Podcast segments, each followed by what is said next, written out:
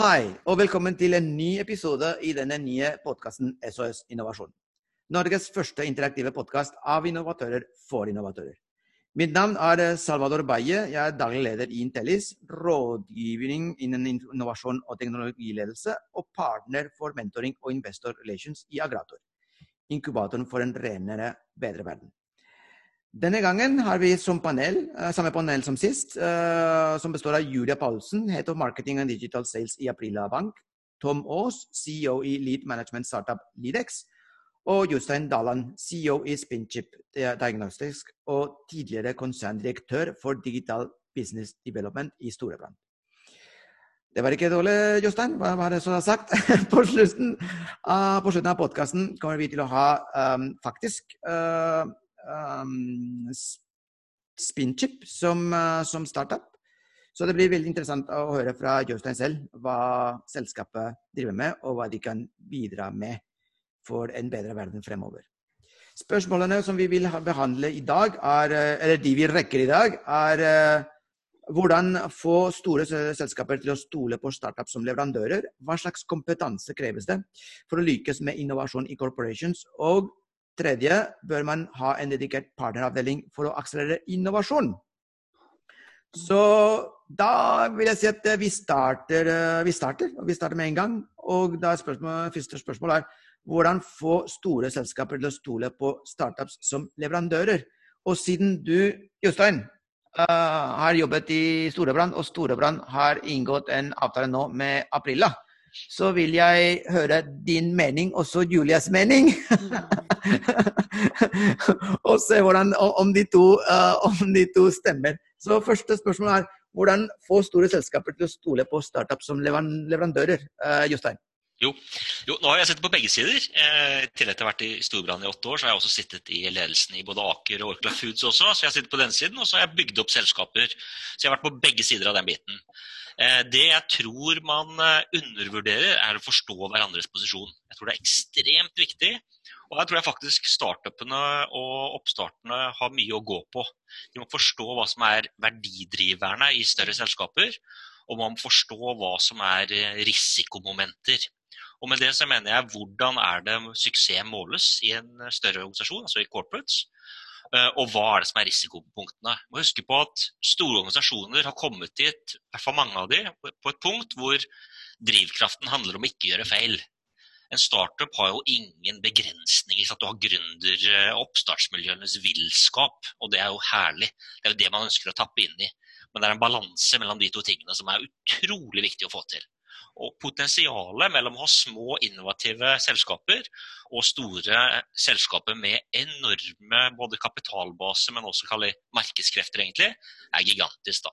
Så jeg tror at det handler mye om eh, rett og slett relasjon. Det handler om å forstå av verdidreverne til hverandre. Og så handler det om mye kommunikasjon, nesten på grensen til sånn overkommunikasjon for å forstå hverandre, tror jeg. Disse verdipunktene som du snakker om, eh, eh, Jostein, jeg vil utfordre deg litt. Det noen, kan du komme på noen sånne verdi... Uh, hva, hva, har du kalt det? Ikke verdipunkter, men uh, Verdidrivere? Verdidrivere. Uh, ja. Disse verdidriverne. Um, ja. har, kan du peke på noen verdidrivere som er felles for alle de store selskapene, og som mindre bedrifter, startups, bør være obs på? Ja, det handler om å tjene penger. Og så handler det om å ikke på noe som helst måte rokke ved det omdømmet og det merket de har bygd over lang tid. Eh, og så handler det om selvfølgelig hvordan organisasjonen er strukturert, og hvem du faktisk har med å gjøre. Det handler om det enkeltindividens eh, målkort, og hvordan de har en karriere i de organisasjonene. Ok, Så det går, det går på individnivå? Det går på det også. Altså, eh, innovasjon handler om mennesker, eh, og det gjør også samarbeid uansett om du eh, jobber på tvers av landegrenser, eller om det er uh, internt i en organisasjon, eller om det er en lite selskap. Og tillit er jo noe som er spør i spørsmålet her. Hvordan stole på er jo tillit, og det er en menneskelig egenskap som man bygger over tid. Julia, mm. du har jobbet for et stort selskap, stort, stort selskap, DNB. Og så er det Aprila. Og i tillegg så er Aprila en uh, en, et samarbeid nå med Storebrand, som er et stort, stort selskap. Så spørsmålet er um, er, det, er, det, noe mer du vil, du vil, du vil kommentere? Er, er, du vel, er, du enig med Jostein? Er, det noe av dine, dine personlige erfaringer uh, som du kan, uh, kan, kan supplere med? Yes, uh, I think uh, Jostein made really good uh, summary. we are very, very, very enig here.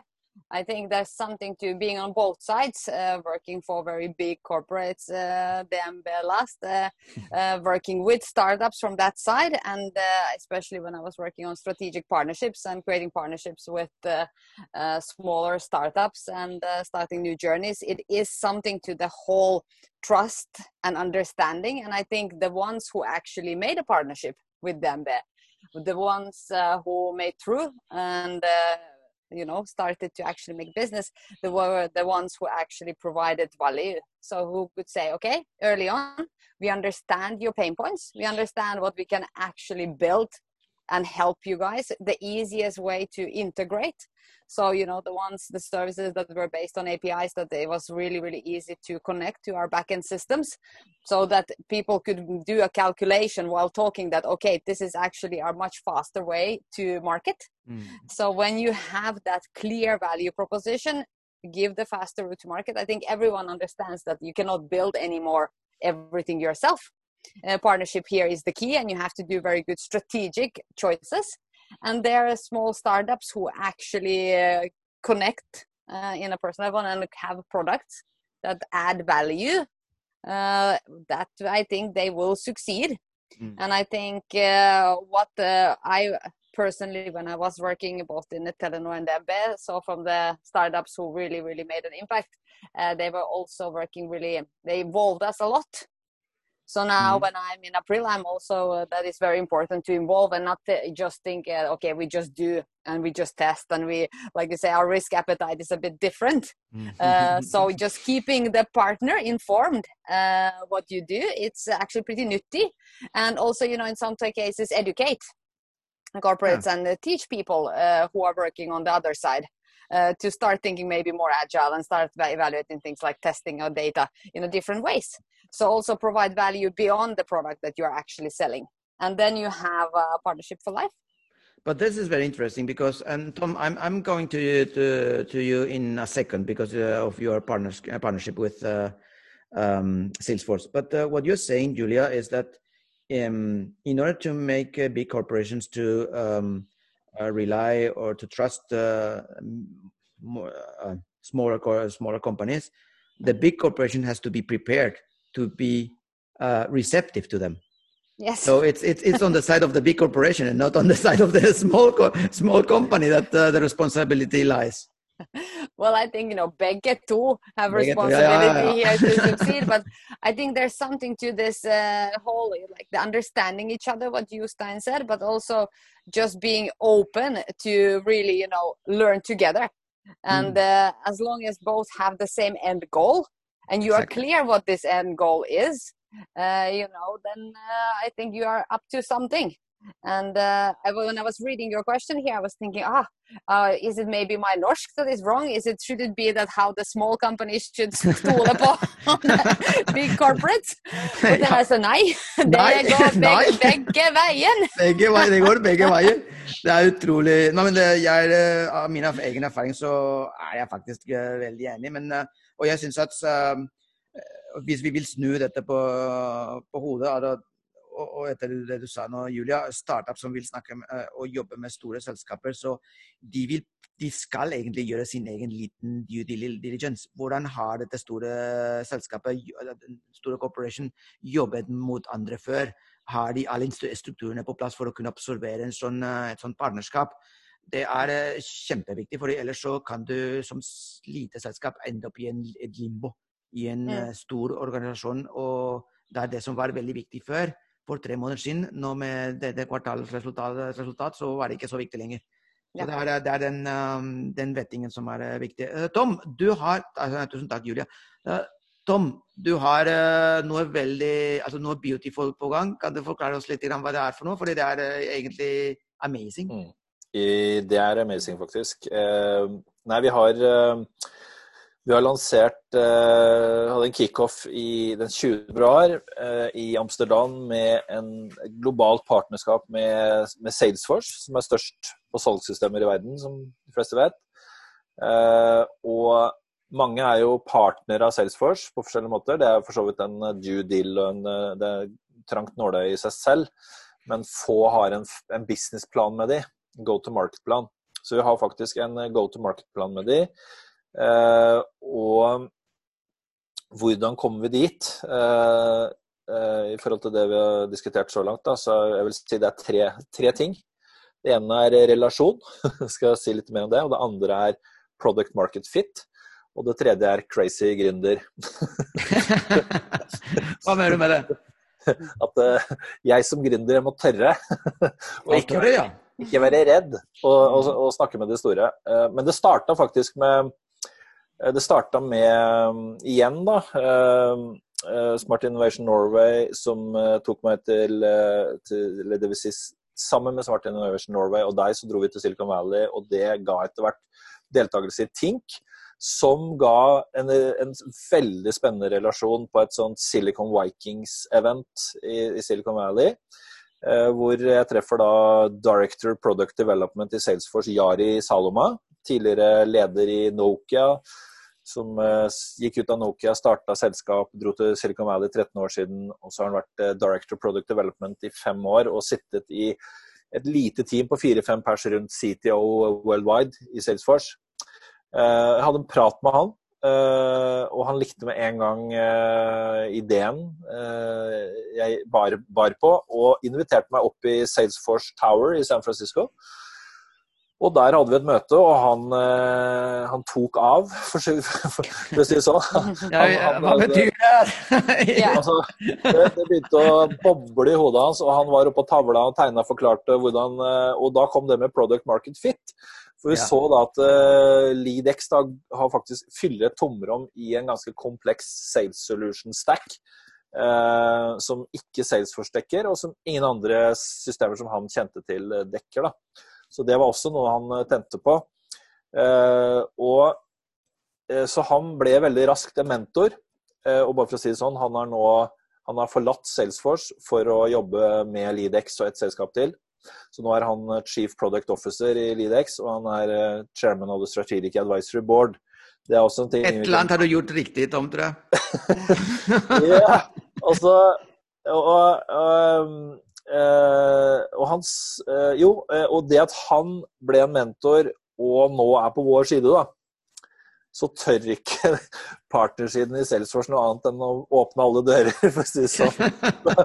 Så, men det er klart, det, det, har også med litt sånn boldness og at de også opplever at dette her er faktisk et produkt som passer oss, og som vil øke verdien på Salesforce. Så, så vi vil jo nå, vi jobber nå veldig aktivt med å lansere appen vår da, i Salesforce sin egen App Exchange i juni. Så slippes appen der, og da er uh, Lidex-appen tilgjengelig i uh, eh, 150 land og sorry, 100, 120 land og 150 000 kunder kan laste ned ferdig plugga inn i Salesforce. Så, og Det hadde ikke gått hvis det var en konkurranse der, så, så det må være en product market fit. Uh, men så har det med relasjon, altså. Det, det, det har utrolig mye å si. At du treffer rett person. Men da har jeg lyst til å si én ting i forhold til hvordan få den relasjonen. Og hvordan jobbe med store corporates. Ja, men da gjør, gjør det. Ja, for jeg tror det har noe med humbleness, altså det å være litt ydmyk. Jeg tror faktisk de store har jo vært på den siden selv. Eh, de, de setter pris på ærlighet og ikke prøve å overselge, men uh, vær veldig ærlig på dette, dette er min idé. Uh, og dette kan jeg ha, har jeg skjønt, har jeg skjønt, skjønt noe? Hva, hva, hva, kan forbedres? Altså, ikke prøv å være verdensmester med en gang. Vær litt ydmyk. Da, det tror jeg de store setter pris på. Da vil de gjerne hjelpe deg å være en del av prosessen. Da. Tusen takk, Tom. Kjempe, kjempespennende. Um, vi kan gå for uh, spørsmål nummer to. da. Um, og det spørsmålet er uh, lyder sånn. og det er Hva slags kompetanse kreves det for å lykkes med innovasjon i corporations. Ta-da! dette, dette er ikke noe lett. Men vet du hva, Julia, jeg vil starte med deg. Fordi um, du var leder for en uh, veldig avansert gruppe. En liten gruppe, hvis jeg husker det riktig, men en veldig avansert gruppe. Som uh, skulle drive med mye, mye rundt UX, digitalisering. Um, og, um, ja, og dere lykkes uh, med, med ja. gode produkter som er i bruk. Så hva, hva er din take på det? hva slags kompetanse kreves det for å, for å virkelig lykkes? Yes, I think you know it's a really it's a tough question, tough I question. Know, I know, and, no and. Uh, and if you look into this, like the large corporation, or the big challenge we have there, it's uh, that you know it's very time consuming to anchor the, all the decision processes. Uh, you know, it's uh, to find the right people who talk to, and uh, often that kind of kills the initiative and speed. Uh, but you have to be kind of um, when you start innovation like our team in digital sales and service at we were really lucky.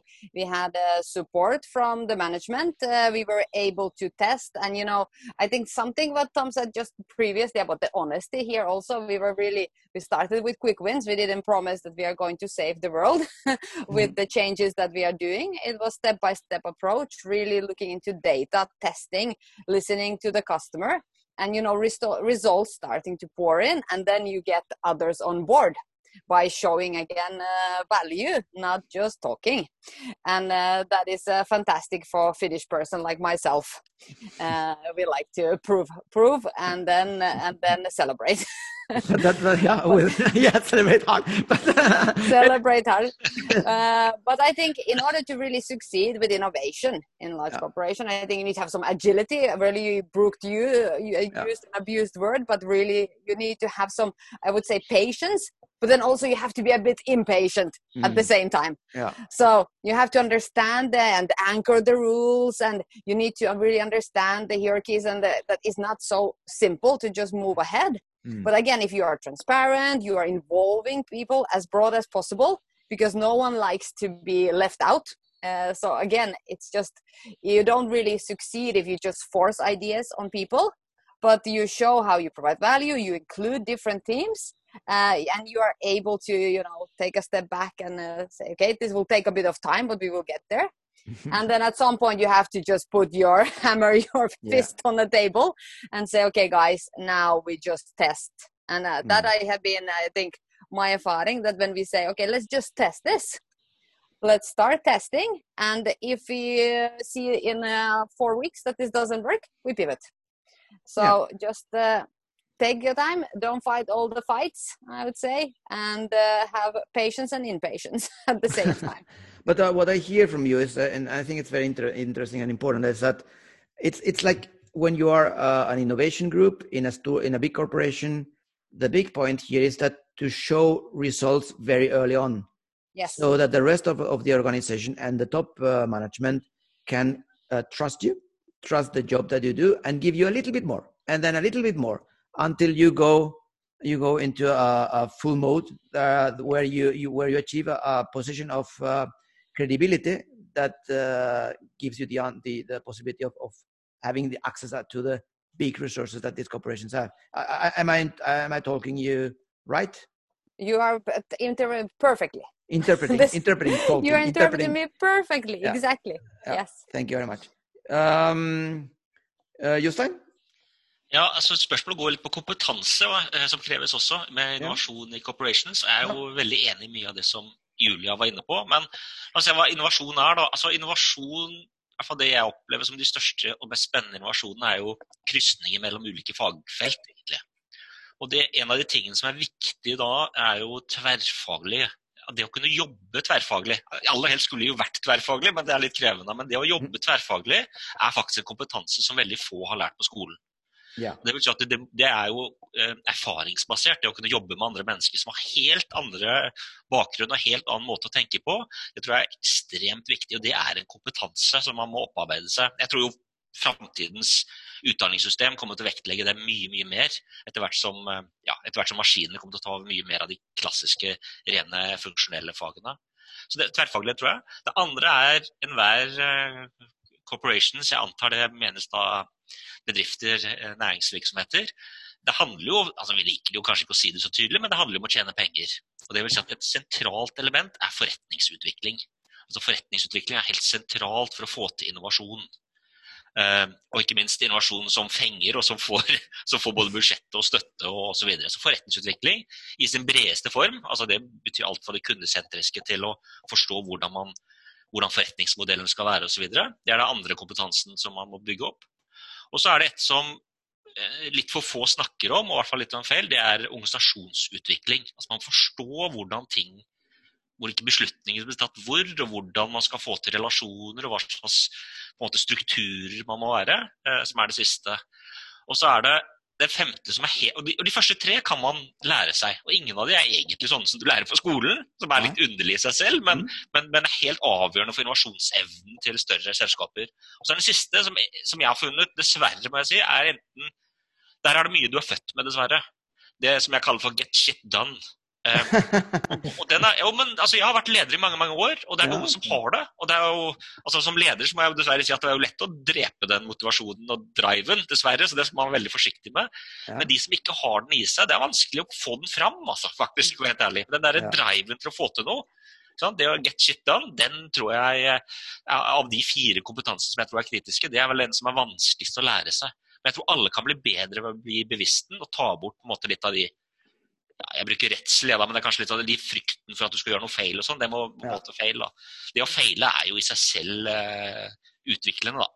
Det kan være veldig dyrt for noen, men, men, men, men det kan være også veldig utviklende på mange måter. da. Så det tror jeg er de, tre, de, de, de tverrfaglige. Forretningsutvikling, forståelse av organisasjonsutvikling og eh, get shit done-kompetanse og, og våge å feile. Veldig bra. Og vet du hva, med disse vise ordene kan du egentlig gå over til å presentere Spinchip. Ja, det er det, din, din, uh, din startup, og det gleder jeg meg til. Ja, jeg startet jo i Spinchip rett før, før jul her. Og Spinchip er noe av det mest tverrfaglige, mest spennende innovasjonen jeg har sett noensinne. Det er et blodanalyseapparat som gjør at du, hvis du tar et stikk i fingeren, så tar du opp bare en liten dråpe blod inn i en såkalt brikke, ganske avansert brikke med både kjemikalier og, og koder på. Så du putter inn i et apparat som er på størrelse med en espressomaskin. Og så kjører du gjennom, eh, og da kan du få gjennomført eh, like avanserte blodanalyser som de du sender til de sentrale labene som finnes rundt omkring. Fordelen selvfølgelig er at det krever ikke kompetanse til å bruke den. Du får svar på minutter istedenfor timer, eller i mange tilfeller dager, på kritiske spørsmål. Og så har du en helt selvfølgelig annen kostnadsnivå eh, på dette her. Og det høres jo litt sånn... Du eh, skjønner, du skjønner at det høres litt som Tyrannos Ja, men, kom da! Ja, Tyrannos, det er kjempegøy, da. Altså, Før jeg hever meg på dette her, for de som ikke har sett det, Bad Blood in Silicon Valley ja, kom ut på HBO omtrent, ja, omtrent for et år siden, tror jeg. Den ja. må ses, den er fantastisk. ja, ja, ja, det er derfor jeg sier det. Det er et selskap som i utgangspunktet sier de skal gjøre det vi gjør. Uh, og er verdsatt til opptil 100 milliarder på det mest villeste. Da. Mm. Mm. Eh, men det som er, da, kan jeg da informere om at vi faktisk gjør det. Vi har 20 maskiner som faktisk gjør dette her. De gjør jo ikke alle analyser overalt, men de gjør noen av de aller, aller vanskeligste eh, analysene du gjør på sentrallabber, hvor du har meget avanserte lab. Mm. Eh, gjør du på under et kvarter, direkte i de instrumentene som vi nå faktisk har.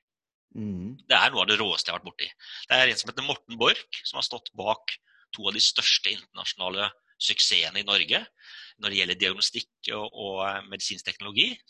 Eh, han sto bak Nycomedicin, som kom i 89. Eh, og han sto bak det som er Abbott, som jo er markedsleder globalt i dag, sin, som heter Affinion. Som de bygde opp gjennom de som har levd en stund, som heter Access Shield, heter selskapet. Som var på Oslo Børs, bl.a. Og da har du den neste generasjonen, som er denne, som heter Spinchip. Så gå inn og se på det. Eh, det er ikke fairytale, det er utrolig spennende. Men det er også det mest høyriske jeg har vært med på. Det er jo mm. ekstrem risiko, det er ekstrem kompleksitet. Du skal forenkle ned til bokstavelig talt noen minutter. Um, så nå går det jo med til både 10. mars beslutta vi skulle hente kapital, det var jo veldig ja, gøy. Okay, det, 12. Mars, 12. mars så var det stopp. da, okay, da, gikk, da, gikk, Norge ned i korona